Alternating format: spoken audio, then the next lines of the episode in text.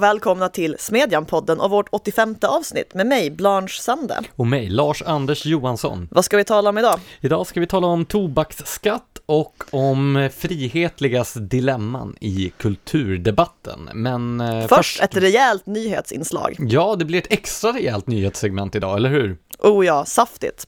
Eh, jag tänkte, vi hade ju Black Friday i fredags. Vad tycker vi om det? Ja, det där har ju du en del åsikter om. Jag insåg att du hade skrivit en gammal text om det. Själv är jag ju... Alltså jag hade ju inte skrivit en gammal text, utan jag återpublicerade en text som jag skrev. När jag skrev den var den ju ny. Förr i tiden när du var ung skrev du en text. Ja, jag det tror det var 2018. Herrens år.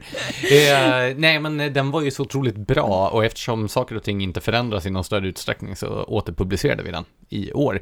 Nej, men eh, jag känner ju att den här eh, spelade indignationen över Black Friday-rean som präglar mångas flöden i sociala medier är ju minst lika tröttsam som själva Black Friday-rean. Nej men jag tycker den är mer tröttsam, för så här, det finns inga bra skäl att sitta och gnälla på att andra reashoppar. Däremot kan det finnas väldigt bra skäl att reashoppa eftersom alla som har liksom ett smart förhållande till ekonomi väljer att köpa saker när det är så billiga som möjligt. Jag är ju för sig lite frustrerad, för jag hade gjort en lista över saker som jag tänkte att jag låter bli att köpa eftersom jag inväntar nedsatt pris på den här svarta fredagen. Men inte en enda produkt på min lista redes ut. Nej, jag beklagar. Ja, det var en stor besvikelse. Så jag kunde inte ens demonstrativt skryta om vilka klipp jag hade gjort för att irritera de här människorna som inte gillar Black Friday. jag beklagar det. Men alltså, det är ju en... Um... Alltså jag börjar undra om det bara är jag som blir överraskad varje gång jag går ut i affärerna och tror det är dubbelt så mycket folk som det någonsin varit tidigare och 15 gånger jobbigare. Eller har det varit lika illa varje år? Jag vet inte om jag någonsin har varit inne i en butik på Black Friday faktiskt. Ja, just det, du internethandlar. Ja, precis, men det får vi ta i ett annat avsnitt tror jag. Eh, om vi går in på uh, mer uh, nyhets inriktade nyheter, nej men vad säger man? Eh, ja. Nyheter som inte, tack och lov, återkommer varje år. Förhoppningsvis. Precis. Terrordådet då på på London Bridge. I, och nej, nu insåg jag att det där är en grej som faktiskt har återkommit minst ett år. Jo, ja. eh, i London, det var i fredags faktiskt på Black Friday, då två personer knivhuggs till döds och ett antal skadades också. Ja, precis, av en snubbe som dessutom hade en, för, alltså en ändra icke-fungerande eller förfalskad bombväst på sig. Ja, precis. Och det som har, eh, ja den här terroristen då, han sköt sedermera till döds av en tillskyndande polispatrull. Men det som har präglat diskussionerna eller rapporteringen om det här terrordådet i efterhand har ju framförallt handlat om de civilpersoner som ryckte in och förföljde och oskadliggjorde den här terroristen innan polisen hann fram. Ja, precis. En moraldebatt har ju uppstått kring det faktum att en av dem var en dömd mördare som jag förstod rätt var ute på permission, men som också för ja, men ett rejält antal år sedan mördade en kvinna. Eh, och då är ju diskussionen huruvida man nu ska betrakta honom som en bra människa igen, om han liksom hamnar på plus minus noll på något vis nu, eller eller om han fortfarande är en förskräcklig person som bara råkade göra en bra gärning nästan av misstag. Här vill jag ju då dra fram det här slitna uttrycket att man faktiskt måste kunna hålla två tankar i huvudet samtidigt. Det där är ett slitet uttryck du drar fram ganska ofta. Jo, men det, men det är ganska ju. ofta ja, relevant. Det är sant. Så, men eh, Ja, nu, det är ju en fruktansvärd händelse det här på väldigt många olika sätt, men det finns ju också några så här tragikomiska element.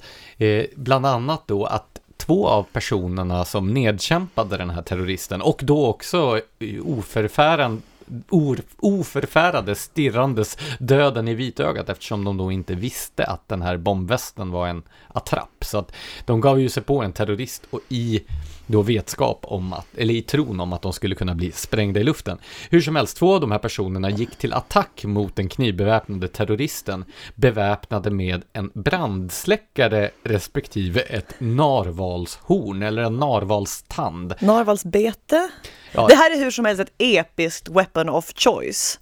Och det var en fantastisk pushnotis jag fick om detta polsk kock jag, vänta, jag, jag, måste leta fram den i min, i min telefon här. Vänta, det, det var ju, den måste citeras ordagrant. Gör så, under tiden ja, kan jag informera den. om vad jag lärde mig på Wikipedia idag om narvalen. Jag försökte ta reda på exakt vad man kallar den här långa utväxten. Det är tydligen den vänstra framtanden på manliga narvalar som växer ut till en gigantisk bete som de kan stöta sina fiender med. Men jag blev inte klok på vad den kallades. Har du hittat ditt citat? Absolut, det var Aftonbladet som skickade följande pushnotis till mig. Polsk kock attackerade terroristen med narvalsbete. Hjältarna stoppade terrordådet i London. Fantastiskt. Den här, Obs, de sa bete. Den här eh, polska kocken hade tydligen plockat loss narvalsbeten från väggen på en restaurang. Eller var det inte en sån här saluhall? Fishmongers Hall. Jo, det är mycket möjligt. Eh, ja, man ser sig eh, om, man tar vad man har till hands. Respekten då? Ja, eh, det finns ju videoklipp där man kan se kocken gå till attack med eh, narvalsbeten samtidigt som den här andra mannen sprayar terroristen med brandsläckaren. Nej men Innan... fantastiskt civilkurage här i sammanhanget. Sen måste man ju också säga att den brittiska polisen rådigt ryckte in och gjorde slut på allt sammans också. På ett sätt som kanske inte hade skett i Sverige, eller? Jag vet inte.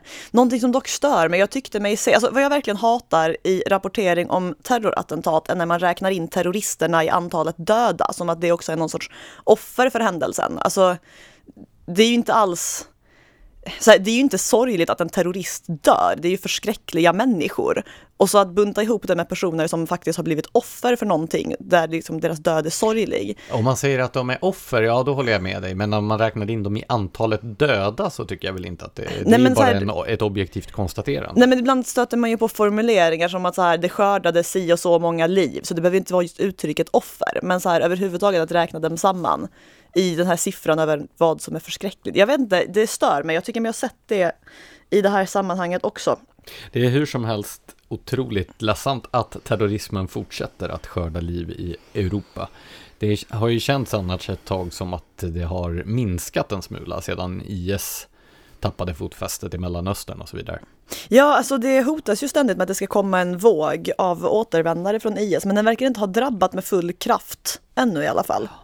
Vi lämnar det förenade konungariket och beger oss till konungariket Sverige, där Moderaterna och Sverigedemokraterna tydligen har börjat prata med varandra och det här är en stor händelse har man förstått. Eh, det är dessutom väldigt viktigt förstår man av den moderata kommunikationen att det här skedde inne på Ulf Kristerssons tjänsterum. Men vet vi vilken fika det bjöds på? Det har jag inte läst någonting om. Men eh, det här samtalet Eh, har ju både hyllats och kritiserats av personer i traditionella och sociala medier eftersom det tydligen markerar en vänd, vändpunkt i svensk politik. Alltså om den vändpunkten är att partier börjar prata med varandra för att försöka hitta någon sorts gemensamma ståndpunkter så är det en jättebra vändpunkt i så fall, tycker jag. Eh, man kan också konstatera, apropå de svenska partierna, att Eh, Statistiska centralbyråns stora partisympatiundersökning, den här som görs en gång i halvåret, också har kommit sen sist vi spelade in podd. Och där fick Sverigedemokraterna sitt bästa resultat någonsin på 22,6 procent och Socialdemokraterna sitt sämsta någonsin på 26,3 procent. Jag är ju känd för min optimism, så jag väljer alltid att fokusera på det som gör mig glad. I det här fallet att Socialdemokraterna fick den sämsta siffran någonsin. Tror du att den här och och eh, andra opinionsmätningar den senaste tiden kan ha påverkat Moderaternas benägenhet att bjuda in Sverigedemokraterna till samtal? Kanske, men sen tror jag också att det kan vara lite taktiskt. Alltså nästa val kommer ju någon att behöva prata med Sverigedemokraterna eh, och det kanske påverkar de egna opinionssiffrorna mindre när det är så här långt kvar till ett val, eller alltså att påverkan inte påverkar valet i sin tur så mycket. Man kan ju åtminstone konstatera att den här strategin att försöka minska Sverigedemokraternas inflytande genom att behandla dem som paria inte har varit särskilt framgångsrik, åtminstone inte vad gäller deras stöd i opinionen.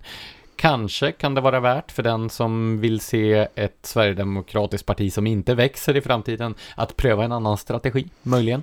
Kanske, samtidigt tror jag att så här, det är ju för sent att liksom få Sverigedemokraterna att krympa nu. Alltså att bli liksom ett litet parti igen. Alltså man skulle ju ha låtit bli att utesluta dem så intensivt från första början. Jag tror att det blir svårt att liksom vinna tillbaka en del av den marken som man har förlorat. De som framförallt förlorar på om Sverigedemokraterna behandlas som ett parti som andra, det är ju Socialdemokraterna som skickligt har använt den här eh, stigmatiseringen för att då förstöra alla förutsättningar för ett konkurrerande block.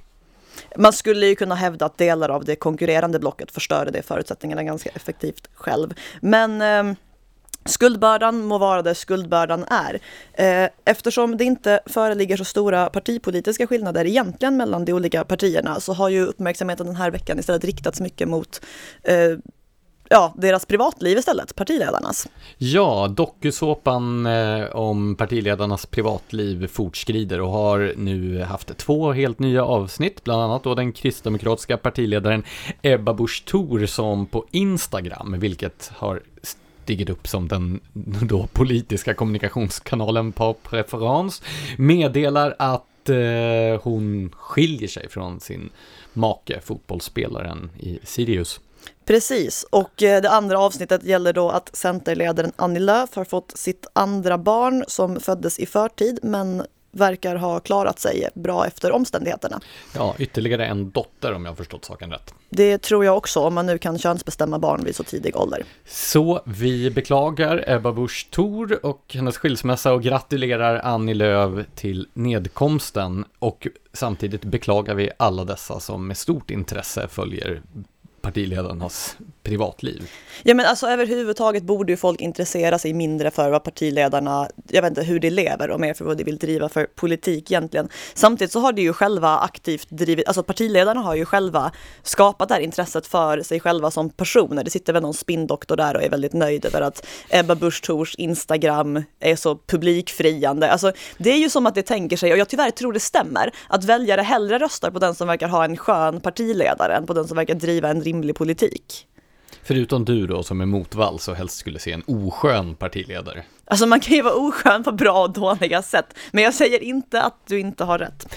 För övrigt så älskar jag begreppet spinndoktor. Det har något sånt härligt 1990-talsmässigt över sig. Jag tänker liksom axelvaddar och sådär. det är inte så jag ser framför mig en spinndoktor. Men okej, okay, okej, okay, vi har alla våra Jag vet inte. Men är det inte något 90-talsmässigt över spindoktor? Det känns ju... Jag vet inte, jag var så ung på 90-talet. I wouldn't... Vänta, axelvaddar var väl 80-tal? Alltså tidigt 90-tal. Huh. Jag trodde det var så här flanellskjortor och smutsigt hår. Du tänker på Kurt Cobain? Japp, japp. Jag förstår. Det finns faktiskt folk som har flanellskjortor och smutsigt hår än idag. Ska vi gå vidare till Karin Pettersson? Ja, det är ju betydligt fler än Annie Lööf som är att gratulera den här veckan. Det har nämligen skett en rad rockader i den svenska medieeliten. Eh, bland annat har eh, Åsa Linderborgs efterträdare på posten som Aftonbladets kulturchef äntligen utsetts av landsorganisationen LO och det blev ingen mindre än den tidigare politiska chefredaktören vid samma tidning, Karin Pettersson. Det är ju fantastiskt vad Aftonbladets kultursida nu rör sig högerut, från Åsa Linderborg till Karin Pettersson. Ja, de som har oroat sig för högervridningen av det svenska, poli- eh, svenska medielandskapet får här vatten på sin kvarn. Nu är vi två millimeter från Ungern och Polen. Precis, när man då ersätter den eh, glödande marxisten Åsa Lindeborg med en eh, socialdemokratisk partigängare som har lovat att driva en vänsterlinje i kultur, eller, ja, i kulturdebatten. Nej men vad kommer härnäst? En höger sosse? Det här är ju på randen till katastrof. Det tråkiga med det här är väl att det blir ytterligare ett befästande av kultursidornas politisering. Expressen gjorde ju så redan när de då utsåg Karin Olsson som var ledarskribent vid Expressen till kulturchef. Eh, och vi har ju sett det här på en rad tidningar. Göteborgs-Posten rekryterade ju någon från eh, Dagens Arena helt utan eh, kulturella meriter. Så det verkar ju som att kultursidorna nu i huvudsak betraktas som eh, plattformar för partipolitisk opinionsbildning. Fast har inte de flesta av deras läsare redan ganska länge betraktat dem som väldigt politiska? Alltså det är väl inte så nytt? Nej, det var väl tio år sedan som Expressen eh, utsåg en ledarskribent till kulturchef. Så att nej, det är absolut inte Jo, men jag nytt. menar att, alltså, ja. Men jag menar, skillnaden mellan Karin Pettersson och Åsa Linderborg är ju ganska stor vad gäller kulturella meriter. Åsa Linderborg disputerad historiker, framgångsrik författare och med liksom ett tungt eh, en tung eh, meritlista på det kulturella området medan Karin Pettersson då har jobbat på Sveavägen 68 och på eh, Fokus och på, på ledarredaktionen på Aftonbladet. Det låter som att du tycker att det är lite av ett nedköp för Aftonbladet Kultur. Ja, absolut. Det är inte bara ett nedköp för Aftonbladets kultur, det är ett nedköp för hela kulturjournalistiken. Säga vad man vill om Åsa Linderborg, men hon hade i alla fall kulturell pondus. Jo, det hade hon ju. Du, Eller det har hon väl fortfarande. Vi pratar om henne som att hon vore avliden, det är hon ju inte. nej det är sant, hon... Ja, är kvar. eh, och sen då glädjebesked. Om man utesluter 11% av eleverna så presterar svenska skolelever bättre enligt den senaste PISA-undersökningen. Ja. Nej, det är inte fantastiskt. Nej men det har ju kommit fram till att lösningen på att svenska kunskaperna i, alltså den svenska skolans svenskkunskaper är så dåliga, det är att sluta räkna med dem som har sämst svenskkunskaper eh, och helt enkelt eh, satsa på det övriga, vad blir det, 98,9 procenten. Ja, precis. Som jag såg någon konstatera på internet, så det här är ju ett fantastiskt eh, sätt att lösa nästan alla problem. Till exempel, tänk hur mycket ens privatekonomi skulle förbättras om man upphörde att betala 11% av sina räkningar. Ja, tänk om man så här retroaktivt kunde gå tillbaka till sina gamla provresultat och få det sämsta 11 svar, eller procenten av svaren borträknade. Schyssta betyg. Ja, eh, och eh, sista nyheten i veckans nyhetssegment, den handlar om Västra Götalandsregionen och, nej, Länsstyrelsen i Västra Götaland och porren. Ja, alltså det här är så bisarrt. Det är alltid någon myndighet som ballar ur. Den här gången är det Länsstyrelsen i Västra Götaland som beslutat sig för att anordna konferensen Pornografi, vår tids största jämställdhetspolitiska utmaning. Känns det inte som att porrdebatten ligger liksom tio år tillbaka i tiden? Ja, och som att den är lite överdriven. Alltså jag vill inte vara sån, jag, jag tänker inte kalla mig en expert på området, men min bild är att kvinnor representeras i majoriteten av all porr som produceras. Så så stora kan inte jämställdhetsproblemen vara. Det är inte som att det finns, an, alltså, det finns ju andra jämställdhetsproblem i Sverige. Jag tror faktiskt att kvinnor är överrepresenterade i porren. Det kan till och med vara så. Eh, läser man vidare i det här, eh, vad ska man kalla det, programbeskrivningen, Jag, jag, tror, jag tror att du måste eh, beskriva lite mer, vad, vad handlar själva nyheten om? Vad är det Länsstyrelsen har kommit fram till? det kommit fram till och kommit fram till, det anordnar en konferens med den här helt orimliga titeln, tillsammans dessutom med Unison och Sveriges kvinnolobby. Det här är ju två extremt så här, det är inte bara två väldigt politiserade organisationer, det är också två helt bizarra organisationer i sina ställningstaganden. Sveriges kvinnolobby ville ju för några år sedan till exempel, apropå den här debatten börjar bli gammal, eh, förbjuda kommersiell porr. Eh, det var lite oklart exakt vad som skulle räknas in i det. Eh, och sen så var det också ute och skulle förbjuda sexistisk reklam i tunnelbanan och då var det till exempel företag som tillverkar damunderkläder och marknadsförde dem med bilder av damer i underkläder. Skriande sexism. Dessa har nu då Västra Götalands länsstyrelse slagit sig ihop med för att ta sig an det här allvarliga jämställdhetsproblemet. Det hävdar också i programbeskrivningen att nu citerar jag, så gott som all mainstream-porr innehåller övergrepp, förnedring och sexuellt våld mot kvinnor. Återigen, ingen expert, men det här kan ju inte stämma. Så gott som all mainstream-porr. Jag trodde inte det här var mainstream. Eftersom eh, vi på Smedjans redaktion är fullständigt främmande för den här typen av eh, konstnärliga uttryck så vädjar vi då till våra lyssnare som kanske har större insikter i denna för oss fullständigt okända värld. Är det verkligen så att så gott som all mainstream-porr präglas av, hur var det? Övergrepp, förnedring och sexuellt våld mot kvinnor. Eh, om ni har insikter som kan vara värdefulla på detta område så dela gärna med er av, dessa i Smedjan-poddens kommentarsfält på Ja. Facebook eller Podbean. Ja, man blir ju nyfiken. Men skönt i alla fall att skattepengarna används på ett ansvarsfullt sätt. Ja, det är mig en stor lättnad. Ska vi eh, berätta om vilka artiklar vi har publicerat sen sist? Ja, precis. Eh, Fredrik eh, Eh, Hultman, vår eh, conservative in residence, eh, som på Timbro har skrivit ytterligare en lång artikel på temat konservatism. Och här går han då till botten med Sverigedemokraternas ideologiska rötter och deras kopplingar respektive icke-kopplingar till den traditionella högern. Det är en lång och matnyttig essä som man kan läsa om man är intresserad av Sverigedemokraterna eller den svenska högerns historia.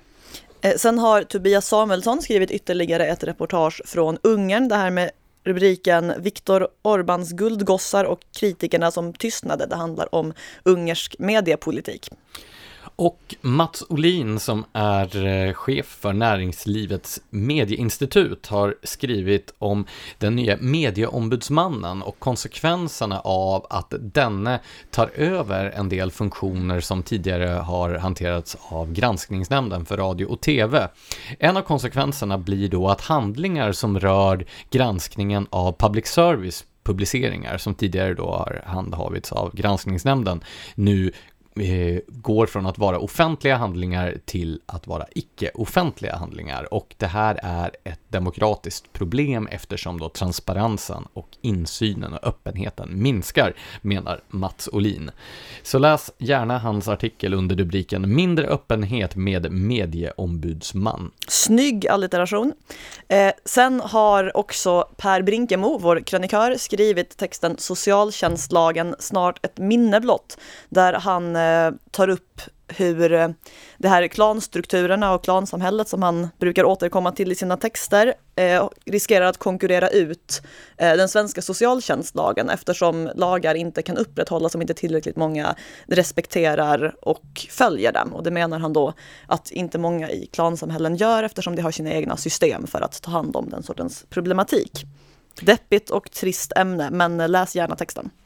Precis, och efter denna genomgång av Smedjans matnyttiga innehåll så går vi över till dagens första ämne. Du har rasat mot tobaksskatten. Den kunde ingen se komma. Det där har väl varit veckans mest använda uttryck, att, att vi kunde inte se det komma. Är det inte Socialdemokraternas go-to-formulering numera? Det eller vi har varit naiva, något av det. Jag har dock inte varit naiv, jag har klarsynt iakttagit tobaksskatten. Eh, orsaken till att jag skriver om den är att eh, den här årliga undersökningen Empty Pack Survey har kommit. Eller för att översätta den lite spontant, cigarettpaketsundersökningen. Vad som händer är alltså att man varje år samlar in 10 000 eh, tomma cigarettpaket som folk har slängt i 29 svenska städer och så samlar man in en del eh, fimpar också, eller en del, väldigt många cigarettfimpar. Eh, och så skickar man den på undersökning för att ta reda på varifrån det kommer. Eh, och på det sättet kan man till exempel se vilka cigaretter som är piratkopior, vilka som är insmugglade, vilka som är ja, men vanliga cigaretter, lagligt tillverkade och importerade. Och eh, det säger en del förstås om den svenska tobakspolitikens konsekvenser. Eh, I år Eh, i den undersökning som publiceras nu eh, så visade det sig att 15,6 procent av de cigaretter som röks i Sverige är eh, ändra eh, smugglade cigaretter eller piratkopior av eh, existerande märken eller cigaretter som alltså personer har eh, köpt med sig i taxfree affärer på flyg, alltså ja, du vet privat importerat. Man, eh, det är fullt lagligt förstås att göra det, men det beskattas fortfarande inte i Sverige. Så totalt 15,6 procent är obeskattade. Och det här är ett ganska tydligt brott mot tidigare år och det ganska länge har legat mellan 12 och 13 procent. Eh, och samtidigt kan man ju iaktta att tobakspolitiken i Sverige blir mer och mer repressiv. Coincidence? I think not. Där fick jag in den också. Oj, oj. Eh, ja. Eh, nej men så här, det är inte konstigt att folk väljer bort att röka cigaretter som är beskattade i Sverige. Om man betalar 60 spänn för ett tobakspaket, vilket är en enorm summa, så går mindre än 16 kronor till tillverkare och distributörer och försäljare medan resten sväljs av staten. Jag dammade av mina matematikkunskaper och gjorde en beräkning. Eh, skatten på cigaretter är utformad på ett komplicerat sätt. Först så betalar man en skatt per styck cigarett. Och i ett vanligt paket är det 20 cigaretter, vilket får skatten att uppgå till drygt 30 kronor. Sen så finns det en skatt som är 1 procent av detaljhandelspriset och sen så finns momsen som är 20 procent av detaljhandelspriset. Eh, och det innebär att det finns en brytpunkt eh, där så här, skatten måste vara så hög att om man sänker priset mer så räcker inte ens kost, alltså vad man betalar för att täcka själva skatten och paketet vet man därför är olagligt infört. Eh, den brytpunkten är 40 kronor enligt mina korrekta matematiska beräkningar. Och alltså för ett decennium sedan så var ju 39 spänn ett ganska normalt pris på ett paket cigaretter. Nu är det olagligt att sälja cigarettpaket för 39 kronor, så att det har ju skett en ganska kraftig stegring på ett decennium. Det finns alltså väldigt starka ekonomiska incitament att undvika cigaretter som säljs lagligt. Jag tycker fortfarande att det största problemet med den här stundens förmynderipolitik är att staten lägger sig i vilken livsstil människor väljer eftersom den inte har med saken att göra. Men även om man bortser från det så finns det ett problem med förmynderipolitik, nämligen att människor inte reagerar på de här styrmedlen på det sätt som teknokraterna hoppas på. Det finns massor av olika sätt man kan reagera istället för att sluta med en produkt som beskattas till exempel. Man kan skära ner på någonting annat som ju folk måste göra om det kör bil och bensinen går upp i pris för att man inte kan sluta köra efter halva sträckan och nöja sig där liksom. Eh, man kan välja ett billigare alternativ, vilket ofta också innebär att man väljer en lägre kvalitet. Eh, som parentes, det här gäller ju inte cigaretter lika mycket, men när det gäller till exempel sockerskatt så kan man också byta produktgrupp. Eh, Finland hade en godisskatt eh, ett par år eh, som till exempel innebar att man beskattade kexchoklad men inte chokladkex. Alltså det är ett ganska praktiskt byte om man nu vill ha kex och choklad, att bara gå över till chokladkexen istället. Eh, man beskattade choklad men inte chokladpudding trots att jag tror att nyttighetsnivån är ganska exakt likadan. Så den som vill ha Varför socker... beskattade man inte chokladpudding? Nej men för att det föll inte. Så här, om man har en skatt som är utformad så att den drabbar vissa varugrupper måste man ju dra en gräns någonstans. Och här hade de väl bestämt sig då för att chokladpudding inte skulle räknas in. Alternativet är ju ännu besvärligare för då beskattar man själva insatsvaran. Jag minns rätt diskuterade faktiskt Finland att göra så. Att liksom sockerhalten i varje grej skulle beskattas inklusive i typ äpplen och sånt, alltså naturligt socker. Vilket är jättebesvärligt att beräkna och kostar företagen jättemycket pengar. Vad är det för sjuka människor som sitter och tänker ut den här typen av system? Sadister! Ja men faktiskt. Nej men alltså Danmark gjorde ju så fast med fettskatten. Det hade ju skatt på alla produkter som innehöll fett i förhållande till hur mycket fett som var i varje produkt. Eh, och det avskaffade den inom ett år för att byråkratin kostade företagen så mycket att det liksom, det ruttnade på det helt enkelt, vilket är fullt begripligt. Men däremot så tror jag att så här, från cigaretter så, alltså de flesta tobaksvaror är ju väldigt tungt beskattade. Sen tror jag för sig att snus är billigare per prilla än vad en cigarett är. Men nu är jag ute på tunn is, så jag drar mig tillbaka. Eh, men vad jag funderar på i det här sambandet är, kan det finnas en Lafferkurva för tobaksskatten?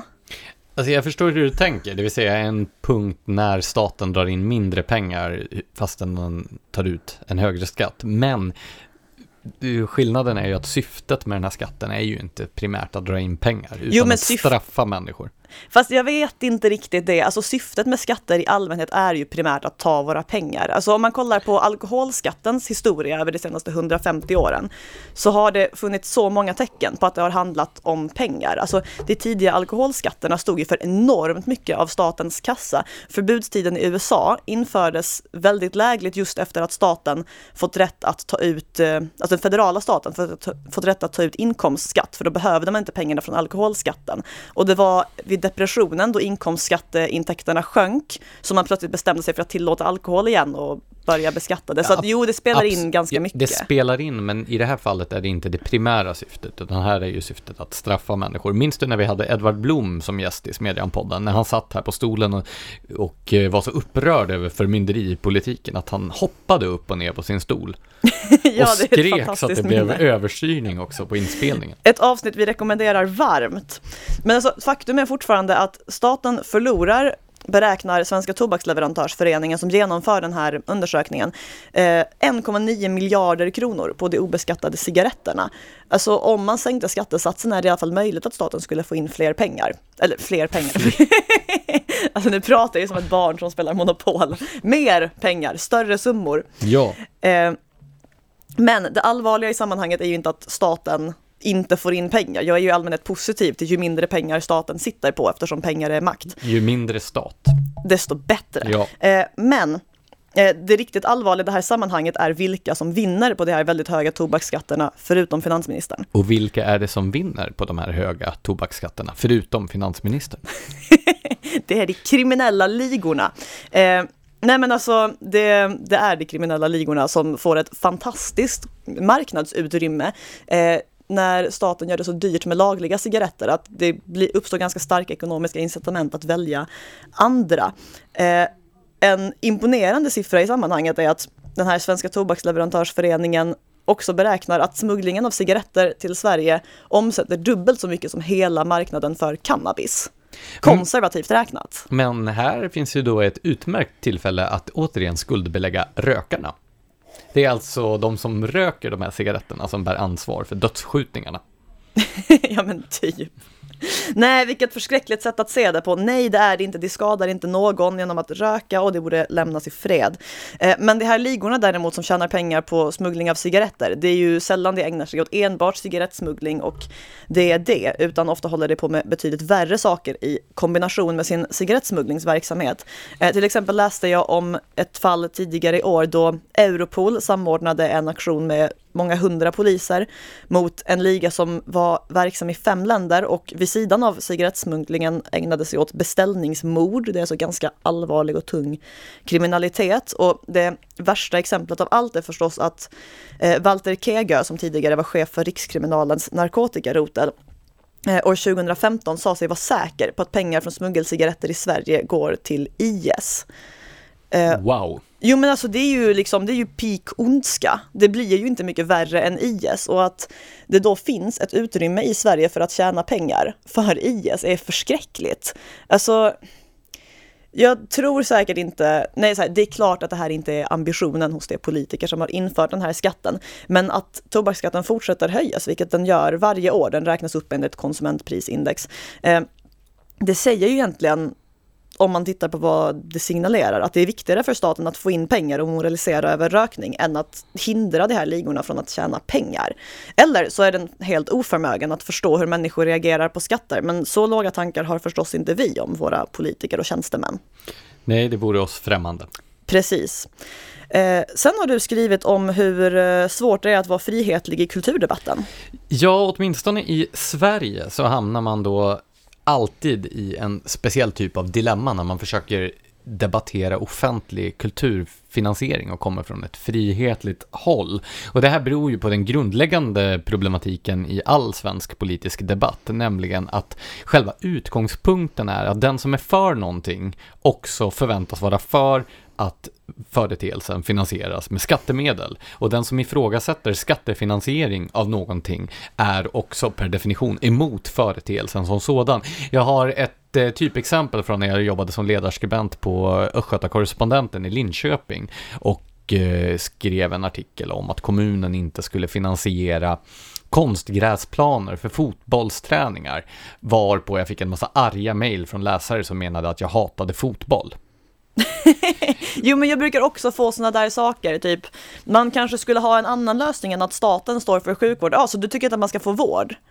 Eller så här, jaha, du tycker inte att staten ska finansiera bibliotek, varför hatar du biblioteksverksamhet? Så, nej, det är för att jag tycker om bibliotek som jag vill befria dem från staten. Precis, och den som ifrågasätter offentlig finansiering av en kultur verksamhet kommer per definition att stämplas som kulturfientlig och har då eh, redan en uppförsbacke i den, eh, i den fortsatta debatten.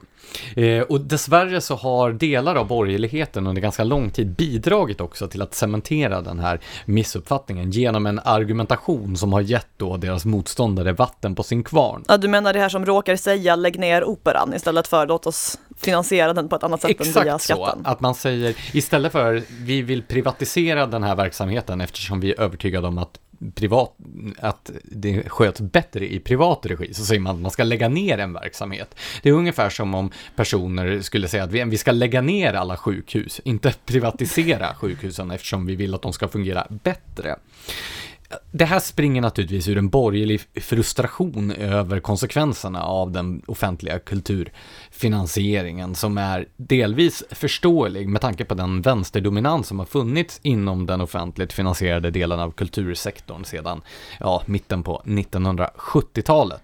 Och det här är ju som jag har tagit upp både i text i Smedjan och i podden tidigare. Den här vänsterdominansen är inte en slump utan resultatet av en medveten politisk strävan. Den som vill sätta sig in mer utförligt i den så har jag beskrivit hur det här har gått till i min bok Att dansa efter maktens pipa som kom 2017. Ja, så här kan man ju lägga till att det kan ju vara legitimt ur en borgerlig synvinkel att vara emot en del saker som görs med olika kulturbudgetar. Men det är ju fortfarande ett väldigt stort steg från att inte gilla att det görs och att vilja hindra det från att göras. Och det måste folk ju också förstå. Ja, precis. Den här politiseringen av den offentligt finansierade kulturverksamheten, den inleddes redan på 1930-talet när grunden för det konstnärspolitiska systemet lades. Eh, ja, i samband med då att Socialdemokraterna inledde sitt 44 år långa oavbrutna maktinnehav. Och det, eh, redan från början så var ju syftet med utformningen av systemet att Eh, öka den politiska styrningen av kulturlivet. En mindre smickrande aspekt av detta, som jag tror jag har nämnt i podden tidigare, var att när man skulle utforma det kulturpolitiska systemet, eller det konstnärspolitiska systemet, så sneglade man mot Tyskland, där man då på 30-talet hade utformat ett nytt kulturpolitiskt system. Det var då informationsministern Josef Goebbels som hade utformat det, just för att politiken skulle kunna ta makten över kulturlivet. Och det är väl kanske inte då Eh, en förebild som man vill yvas över idag. Men det säger någonting ändå om vad ingångsvärdena var när man skulle börja utveckla en mer offensiv politik på kulturområdet. Och man kan ju så här i efterhand fråga sig hur det kommer sig att borgerligheten inte reagerade starkare på den här eh, centraliseringen och politiseringen som skedde successivt från 30-talet och framåt av svenskt kulturliv. Men jag tror att förklaringen ligger i att det fanns en omfattande samsyn mellan borgerligheten och socialdemokratin, både vad gäller synen på kulturen. Här kan man ju säga egentligen att socialdemokratin var i grunden ganska borgerlig i sin kultursyn. Man hade en kultur konservativ och bildningsvurmande syn på vilken kultur som skulle föras ut. Det skulle spelas klassisk musik i radion för att befolkningen skulle bildas och så vidare. Eh, och att det fanns en samsyn kring den här korporativistiska samhällsmodellen. Redan 1946 slöt ju högerpartiet upp bakom tanken på en generell välfärdsstat till exempel. Eh, så ända sedan dess så har ju...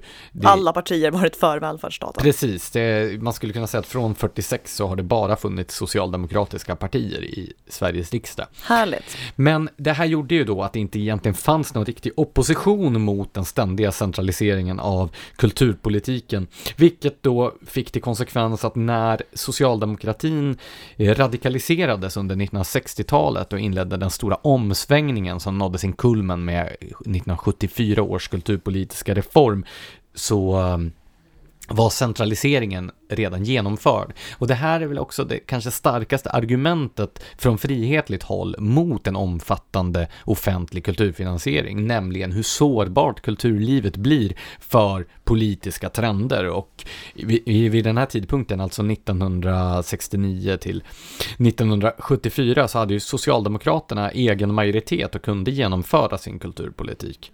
Sen finns det ju också ett historiskt sammanträffande, nämligen att den här radikaliseringen av so eh, den socialdemokratiska kulturpolitiken inträffade samtidigt som den stora vänstervågen. Så när man skulle rekrytera folk till de nya kulturinstitutionerna så blev det den alternativa vänsterrörelsen. Till skillnad från nu när Rättviseförmedlingen får nominera vilka som ska in i kulturbyråkratin. Nej, men det här är ju, det här är ju ett uttryck för precis samma sak, för i, egentligen så har inte det kulturpolitiska systemet förändrats sedan 1974. Och det är väl det som gör också att en hel del personer på den borgerliga kanten kan känna en viss trötthet vid den offentligt finansierade kulturen i och med att till skillnad från nästan alla andra samhällsområden så är det som att man har fryst 1970-talets politiska klimat i kulturpolitiken. Och det är ju absurt på så många olika sätt. Jag menar 1974 års kulturpolitik är ett barn av samma anda som löntagarfondsidén. Det här var ju en tid när man tyckte att fackförbunden skulle ta över näringslivet och när staten ville ha monopol på artistförmedling. Alltså det var ju ett, en absurd parentes i svensk politisk historia. Fast den här samsynen du pratar om, alltså om mellan borgerlighet och socialdemokrati om kulturpolitik, som alltså fanns då, att båda var för det här bildningsidealet och den klassiska musiken i radio och så vidare. Vad, vad hände med det? Finns det någon av sidorna idag som står kvar där? Nej, det var ju det som hände på 60-talet när eh, socialdemokratin övergav detta för en kulturradikalism där konst och kultur bara blev ett instrument för en politisk strävan. Eh, då fanns det ju inte längre någon möjlighet att bjuda något motstånd eftersom man hade centraliserat kulturpolitiken så pass mycket under de föregående årtiondena. Men hur som helst, även om en viss borgerlig trötthet vid den här vänsterdominansen och politiseringen av den offentligt finansierade kulturen är begriplig, så har ju då eh, en del borgerliga debattörer bidragit till att eh, befästa Eh, Eh, fördomarna om att, att högern skulle vara kulturfientlig och så vidare. Till exempel då när Moderata ungdomsförbundets ordförande Benjamin Dosa eh, som ett slags argumentation eh, ställer eh, då kostnaden för offentligt finansierad kultur mot kostnaden för polisen. Och det är underförstått då att kultur är någonting onödigt och de här pengarna borde läggas på någonting nödvändigt som polis. Det skickar ju helt fel signaler. Alltså där kan man ju ändå lägga in brasklappen att polis trots allt hamnar väldigt mycket närmare statens kärnuppgifter än vad kulturfinansiering gör. Det behöver inte innebära att man tycker det ena är mycket bättre och viktigare än det andra, men det är ju alltså, jag tror att fler skulle skriva under på att staten ska sköta polisväsendet än på att staten ska sköta kulturinstitutioner. Jo, men det finns ju någon slags symbolvärde att man väljer att lyfta upp kulturen som då motpol till det här viktiga. Det vill säga man vill signalera att det här är inte någonting viktigt. Istället så borde han ju argumentera för att nej men vi vill se en ökad privat finansiering av kulturlivet eftersom vi vill att kulturlivet ska fungera bättre än vad det gör när det är offentligt finansierat och peka på de problem som följer av politisk styrning av kulturen. Men när man bara lyfter det som en onödig budgetpost där man skulle kunna skära för att få mer pengar till polis, då skickar man signalerna att man inte tycker att kultur är viktigt. Samma sak när Fredrik Segerfeldt, som har skrivit i Smedjan flera gånger, eh, gav ut en bok för ett antal år sedan som heter Befria kulturen från politiken. Så argumenterade han mot då att undersköterskor tvingades subventionera Östermalmstanternas operabesök. Underförstått då att operan var någonting onödigt som undersköterskor absolut inte skulle kunna tänka sig att vilja betala med, med skattsedeln. Samtidigt lät ju titeln på den där boken som ungefär det du tyckte att till exempel Benjamin Dosa borde argumenterat för istället. Jo, absolut absolut. Om då resten av boken hade varit i överensstämmelse med själva, själva ja. titeln. Nej, men just det där, eh, jag tycker ju snarare att man eh, kan ifrågasätta varför eh, både undersköterskan och Östermalmstanten ska tvingas att subventionera en massa politisk propaganda som sker då inom ramen för den offentliga kulturbudgeten. Det skulle vara en mer angelägen fråga. Men det är ganska symptomatiskt att när då den här kulturfientliga delen av borgerligheten går till storms mot offentlig kulturfinansiering, då är det också de här stora institutionerna man angriper, som Operan till exempel, som har har ett slags symbolvärde. Ja men det är alltid de bästa sakerna man ska gå till storms mot. Alltså det är inte så många som, ja men jag kommer ihåg att jag skrev något sånt här vid någon konstakademi eller fakultet finansierat så här normkritiskt biktbås typ. Men det är operan folk hackar på som ju ofta gör väldigt bra saker. Precis, och den här kulturfientliga argumentationen blir pro problematisk eftersom den då bekräftar eh, kulturvänsterns och många eh, då aktiva i kultursektorns bild av högern som bildnings och kulturfientlig. Istället så borde ju den frihetliga argumentationen vara just det som eh, Segerfeldts boktitel då eh, andades, nämligen att man ska befria eh, kulturen från den politiska styrningen och all offentlig finansiering medför eh, politisk styrning. Eh, vi har ju haft ett antal debatter de senaste åren om myndighetsaktivism vid offentliga kulturinstitutioner. Eh, vi har haft Ola Wong då som skrev i Svenska Dagbladet om hur museerna har politiserats. Vi har haft biblioteksdebatten där det har då visat sig att det har funnits aktivistiska tjänstemän som har då uteslutit författare och böcker av politiska skäl till exempel. Ehm, och eh, Ja, men debatten om Svenska Filminstitutet har ju också varit att, eh, att eh, den offentligfinansierade filmproduktionen har varit politiserad och så vidare. Ja, det att inte längre tänker ge några var det marknadsstödsbidrag till män eftersom man inte vill ha så många män som gör film tydligen. Så det finns ju många argument här varför offentlig kulturfinansiering kan vara problematisk. Ett kulturliv som är alltför beroende av offentlig finansiering blir då sårbart för politiska konjunkturer. Ett kulturliv som är beroende av skattemedel riskerar också att tyngas sönder av en eh, stor eh, byråkrati som eh, då kommer att vara nedbrytande för den konstnärliga verksamheten oavsett om den är politiserad eller inte. Sen finns ju den här då lite paradoxala effekten att offentlig kulturfinansiering som vars syfte är att, eller uttalade syfte i alla fall, är att öka mångfalden och bredden i kulturlivet riskerar att få motsatt effekt eftersom offentligt finansierade verksamheter också fungerar som marknadsförstörare, det vill säga de snedvrider konkurrensen på ett sådant sätt att de aktörer som inte kommer i åtnjutande av de offentliga köttgrytorna kan riskera att slås ut helt och hållet. Och då kan konsekvensen bli att trots att man lägger mer skattepengar så blir utbudet i slutändan mindre än vad det skulle ha varit utan den här finansieringen. Ja, för alltså folk som gärna hade betalat för olika typer av kultur annars får ju betala sina pengar i skatt istället och så går det till vad någon annan tycker de ska gilla för kultur. Så det är ju en naturlig följd. Ja, men inte bara det, utan det är ju väldigt svårt att konkurrera med en verksamhet som har sin finansiering säkrad. Till exempel privata medieföretag som haft problem med att Eh, public service-företagen har tagit deras marknadsandelar. Du kanske kommer ihåg Tidningsutgivarnas och Mittmedias bråk med public service-företagen för några år sedan. Eh, där då public service-företagen återpublicerade nyheter direkt på sin hemsida som privata redaktioner hade grävt fram. Och det undergrävde ju hela deras eh, konkurrenssituation. Men det här finns också till exempel inom musiklivet. När Rikskonserter, som nu är nedlagda, men Riksteatern till exempel exempel skickar ut grupper på eh, subventionerade turnéer så tenderar arrangörer att neka andra grupper att få spela eftersom de anser att de har helt enkelt bara råd med de här skattesubventionerade akterna. Och då skapar du en situation då där det enda sättet att komma ut och spela på de här ställena är att vara eh, inne i eh, Riksteaterns repertoar. Vilket då gör att eh, alla som är på utsidan riskerar inte få några spelningar alls.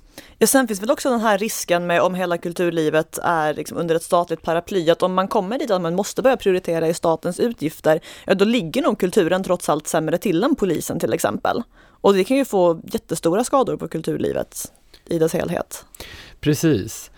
Så det finns ju många goda argument för varför man ska vara försiktig med att försöka lösa kultursektorns problem genom att bara hälla mer skatte pengar på dem. Men tyvärr så har borgerligheten gjort en ganska slät figur under lång tid och jag tror att det beror delvis på att man också är rädd för att stöta sig med de ganska tunga debattörer som har plattformar i den offentligt finansierade kultursektorn. Det räcker med att se vad två av de personer som utmanade den här hegemonin råkade ut för. Jag tänker då på eh, den kortvariga kulturministern Fia Stegö Chilå som utsattes för ett enormt drev när hon Eh, blev kulturminister för då en trivial sak som att hon då inte skulle ha betalat tv-licensen. Eh, eller Madeleine Sjöstedt som var kulturborgarråd för Folkpartiet i Stockholms stad eh, och som försökte att då öppna upp det offentliga stödet för fler än de som då hade åtnjutit det under väldigt, väldigt lång tid. Men då blev det ju så att de som då redan hade tillgång till det här stödet blev ju väldigt upprörda vid tanken på att de skulle behöva dela med sig. Ja, få konkurrera med nya aktörer. Så hon fick ju utstå otroligt aggressiv kritik för sina försök att åtgärda detta. Och det här gör ju att många drar sig för att ta den fighten. Och under alliansåren så tror jag helt enkelt att att eh, Moderaterna då framförallt eh, drog slutsatsen efter debaclet med eh, Fia Steg och att eh, det helt enkelt inte var värt att ta det bråket eftersom de ville prioritera det som de ansåg vara viktigare frågor som jobbskatteavdrag och liknande. Ja, alltså det finns ju fog kanske för anklagelsen att borgerligheten inte är så jätte, att den politiska borgerligheten inte är så himla intresserad av kultur överhuvudtaget. Men konsekvensen av allt det här, det är ju att vi fortsätter att ha ett kulturpolitiskt system som är anpassad efter 70-talets politiska klimat och Eh, kulturella verklighet. Av alla politiska klimat man kan anpassa sig efter. Ja, men faktiskt. Och det här har blivit också att både till höger och till vänster så tar man ju både det här kulturpolitiska systemet som i sig är ganska extremt och den här vänsterdominansen som egentligen är en ganska ny företeelse. Alltså det är en företeelse från 70-talet. För givet att det ska vara så. Du minns kanske när Bengt eh, Olsson Eh, författaren ifrågasatte för ett antal år sedan om kulturlivet måste vara vänster på DNs kultursidor och eh, hela den offentliga kultursverige svarade med ett rungande ja. nu var ju då Bengt ja. Olsson tillräckligt etablerad för att kunna överleva det, men en mindre etablerad författare hade nog blivit utfryst för alltid efter att bara lyfta frågan på en kultursida. I och för sig hade han kanske inte fått skriva på en kultursida om han hade varit mindre etablerad, så att eh, det blir ju kontrafaktiska spekulationer. Men det kan vara värt att tänka på att nej, men det har inte alltid sett ut på det här sättet och det ser inte ut så i alla andra länder. I den här boken som jag nämnde tidigare, Att dansa efter maktens pipa, så ger jag ju exempel på både hur kulturpolitiken organiserats historiskt och hur den organiseras i andra länder. Och där tycker jag att borgerligheten måste våga titta utanför Sveriges gränser och utanför vårt eget 70-talsparadigm och se att det finns ju då olika kulturpolitiska modeller som är mer förenliga med en liberal eller en liberalkonservativ grundsyn. Till exempel i USA, där kulturlivet är mycket friare från eh, offentlig styrning.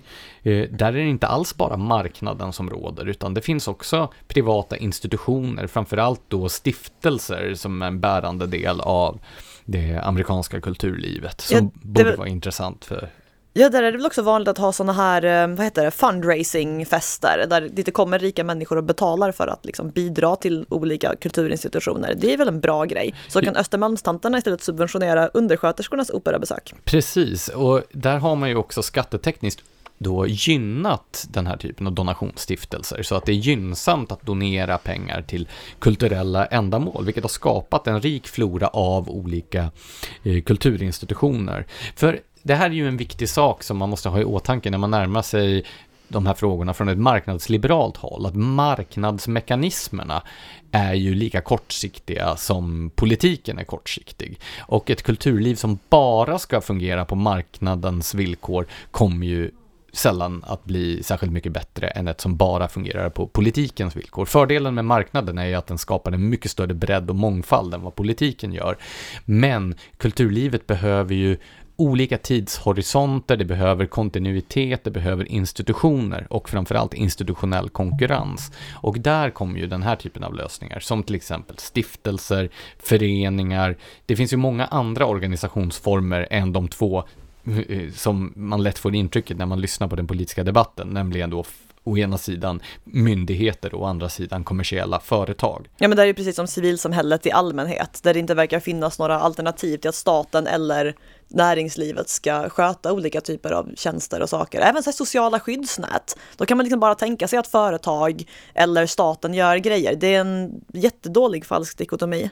Många av de kulturinstitutioner i Sverige som vi idag tar för givna grundades ju också av privatpersoner och finansierades med privata medel. Jag tror jag har tagit upp det tidigare, men alltså eh, Skansen är väl det mest kända här i Stockholm, Nordiska museet och så vidare. Jag har ju skrivit om kungastatyerna i Stockholm som då är en konsekvens av privata insamlingar som skedde. Så Sverige har ju också haft ett system där det var privata medel som i huvudsak finansierade även finkulturen, inte bara då den kommersiella populärkulturen. Och här kan man ju titta till exempel på Storbritannien som länge hade en sån här i grunden liberal hållning om att staten ska hållas borta från kulturlivet eftersom man då betraktade politiska ingrepp med en grundläggande sund skepsis. Där hade man ju den här idén om att staten bara skulle driva några få kvalitetsinstitutioner som skulle vara förebilder. Både för att ge glans åt staten naturligtvis, men också då för att man ville ha dem som, som eh, riktmärken i, i kulturlivet. Men resten av kulturlivet skulle staten hålla fingrarna borta ifrån. Och här är det ju lite ironiskt då att eh, Stora delar av det svenska kulturlivet oroar sig för den utveckling som man ser i länder som Polen och Ungern till exempel, där konservativa regeringar har börjat styra och ställa i kulturlivet. Och samtidigt så tycks man helt blind för att precis samma utveckling genomgick ju Sverige på 60 och 70-talen. Ja men alltså om man inför så mycket statlig styrning över kulturen, då får man ju skylla sig själv om staten sen tas över av någon med en helt annan agenda, för man har ju själv skapat verktygen för dem att ta makten över kulturlivet. Det är ju deras fel som började.